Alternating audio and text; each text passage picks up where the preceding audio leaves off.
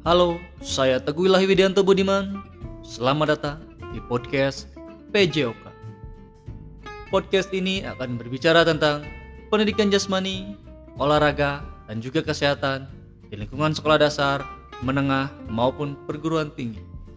Juga akan berbicara tentang informasi-informasi seputar olahraga yang terupdate di lingkungan sekitar kita. Sebagai seorang guru PJOK, ini merupakan salah satu kewajiban bagi saya untuk berbagi kepada halayak banyak tentang apa itu PJOK dan betapa pentingnya PJOK. Karena dengan PJOK, anak-anak akan mendapatkan pengalaman berharga dalam hidupnya.